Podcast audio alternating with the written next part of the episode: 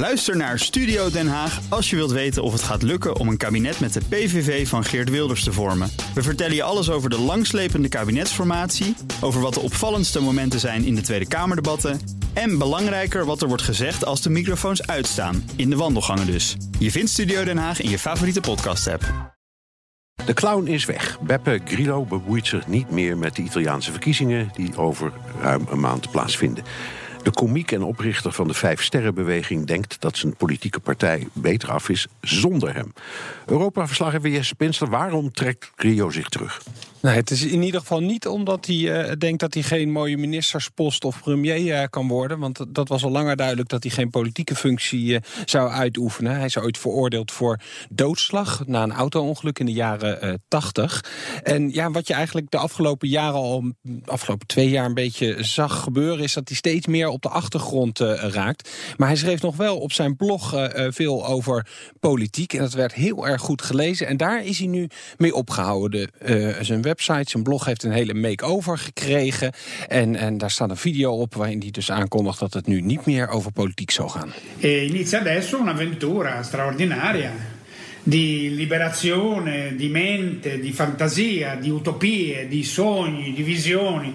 Nou, je hoort al een beetje de utopieën gaat hij nog niet loslaten. Het gaat nu vooral over technologie op zijn uh, blog. En hij zegt zelf, ja, ik ben gewoon niet meer geïnteresseerd in opinies. Nog wel in standpunten, maar niet meer in opinies.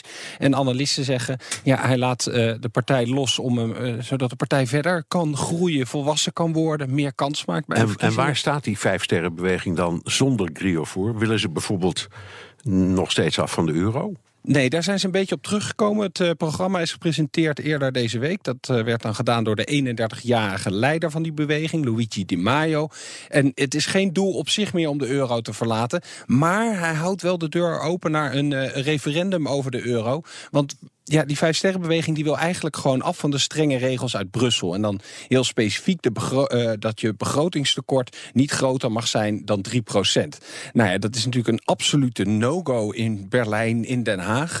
Maar de partij wil dat nog steeds. Dus als ze dat niet voor elkaar krijgen, dan houden ze de deur naar zo'n referendum nog uh, open. Ja, wat staat er verder in het programma? Ze gaan honderden wetten schrappen. Ze gaan het belastingssysteem hervormen. En er komt een online portal. En dan kunnen dan alle Italianen input geven over wetten en beleid en daarover stemmen, zoals ze dat ook binnen de Vijf Sterrenbeweging doen. En hoe staan ze ervoor in de peilingen? Uh, ze lijken de grootste partij te gaan worden.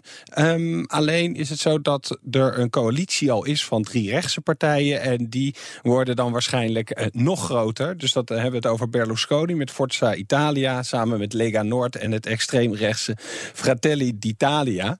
Nou ja, waarschijnlijk gaan die dus het grootste worden. Maar niet groot genoeg om het helemaal alleen te doen. Dus dan krijg je coalities die daar gevormd moeten worden. Dus dan kan het eigenlijk nog alle kanten op in Italië. En dan ja, staat de Vijf Sterrenbeweging een beetje in het midden. En die kan bepalen welke kant het op gaat. Want ja, ze flirten af en toe, zelfs met die extreemrechtse partijen.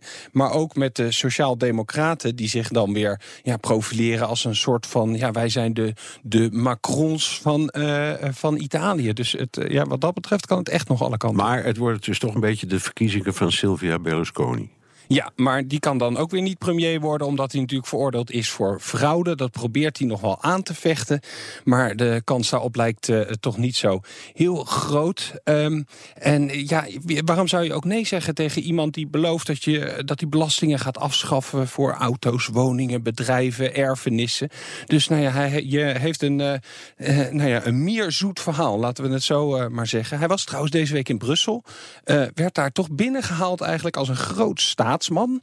Uh, vooral allemaal mooie afspraken met uh, de, de, ja, de kopstukken van de Europese Volkspartij. Dat is de grootste Europese partij in, in Brussel, waar ook het CDA bijvoorbeeld toe behoort. Dus hij nou, kon langs bij Jean-Claude Juncker. Had ook nog een afspraak bij de voorzitter van het Europese parlement. Dat is Tajani. Dat is trouwens een oud medewerker van Berlusconi. En Berlusconi heeft eerder vandaag gezegd dat deze Tajani ook een perfecte premier zou maken. Ja, hij kan het zelf niet worden, dus dan moet je toch iemand anders naar voren schuiven. Het is toch wel opvallend hoor, hoe die man in een paar jaar tijd eigenlijk, ja, nee, blijkbaar toch weer alle deuren in Brussel voor hem open gaan. En ja, het is toch een man die twee keer premier is geworden en die wordt daar vriendelijk ontvangen. En misschien mag de, de voorzitter van het Europees Parlement dan straks wel de premier van Italië worden. Dankjewel, Europa-verslaggever Jesse Pinster. Ook Diana Matroos vind je in de BNR-app. Ja, inderdaad. Je kunt live naar mij luisteren tijdens de Big Five. Ook handig in de BNR-app. Breaking nieuwsmeldingen, maar ook het allerlaatste zakelijke nieuws. En je vindt in de app alle BNR-podcasts, waaronder Wetenschap Vandaag. Download nu de gratis BNR-app en blijf scherp.